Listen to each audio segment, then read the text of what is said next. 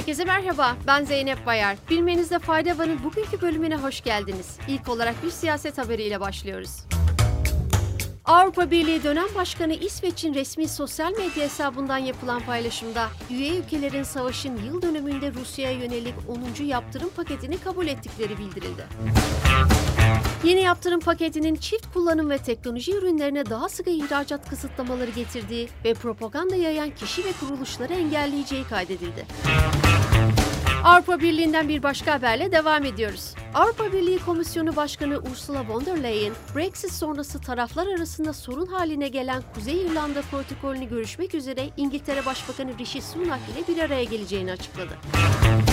İrlanda Başbakanı Leo Varadkar da kısa bir süre önce yaptığı açıklamada Kuzey İrlanda konusunda yeni bir anlaşmanın sona doğru yaklaştığını ve anlaşmanın birkaç gün içinde duyurulabileceğini söylemişti. Aranızda Kuzey İrlanda protokolü nedir ve ne işe yarar sorularını soranlar için cevaplayalım. Brexit anlaşmasının bir parçası olan Kuzey İrlanda protokolü, Birleşmiş Krallığın parçası olan Kuzey İrlanda ile AB üyesi İrlanda Cumhuriyeti arasındaki ticareti düzenlemeyi amaçlıyor. Ukrayna Devlet Başkanı Vladimir Zelenski, Rusya-Ukrayna Savaşı'nın birinci yıl dönümü kapsamında gazetecilerle bir araya geldi. Zelenski, Pekin'in Ukrayna'daki savaşın sona erdirilmesi çağrısı yapmasının ardından Çin Devlet Başkanı Xi Jinping ile bir araya gelmeyi istediğini söyledi.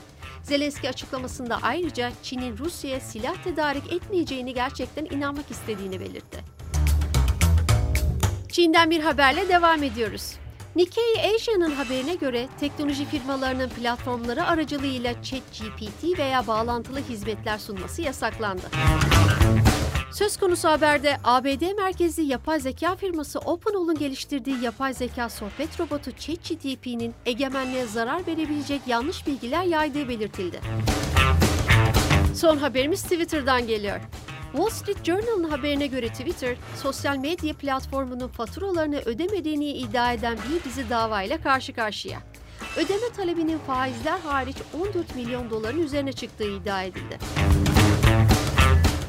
Twitter CEO'su Elon Musk'ın geçen yıl Aralık ayında şirketin kar ve zararının 2023'te eşitlenme yolunda olduğunu iddia etmesinin ardından geldi. Bilmenizde fayda varın bugünkü bölümünün sonuna geldik. Yarın tekrar görüşmek üzere. Hoşçakalın.